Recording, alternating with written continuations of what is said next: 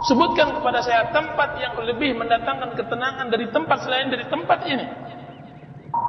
Tidak akan kita dapatkan ketenangan dari tempat duduk, tempat ngobrol, kecuali di tempat majelis ilmu yang seperti itu. Sebutkan, tidak akan kita dapatkan. Kita tidak akan dapatkan ketenangan dari tempat majelis yang membicarakan tentang masalah dunia saja. Kita tidak akan mendapatkan ketenangan ketika duduk-duduk membagi hasil untung. Juga tidak. Kita tidak akan bisa dapat ketenangan dengan berbicara hampa saja. Tidak. Ketenangan hanya ada di majelis. Nazalat alaihi sakinah.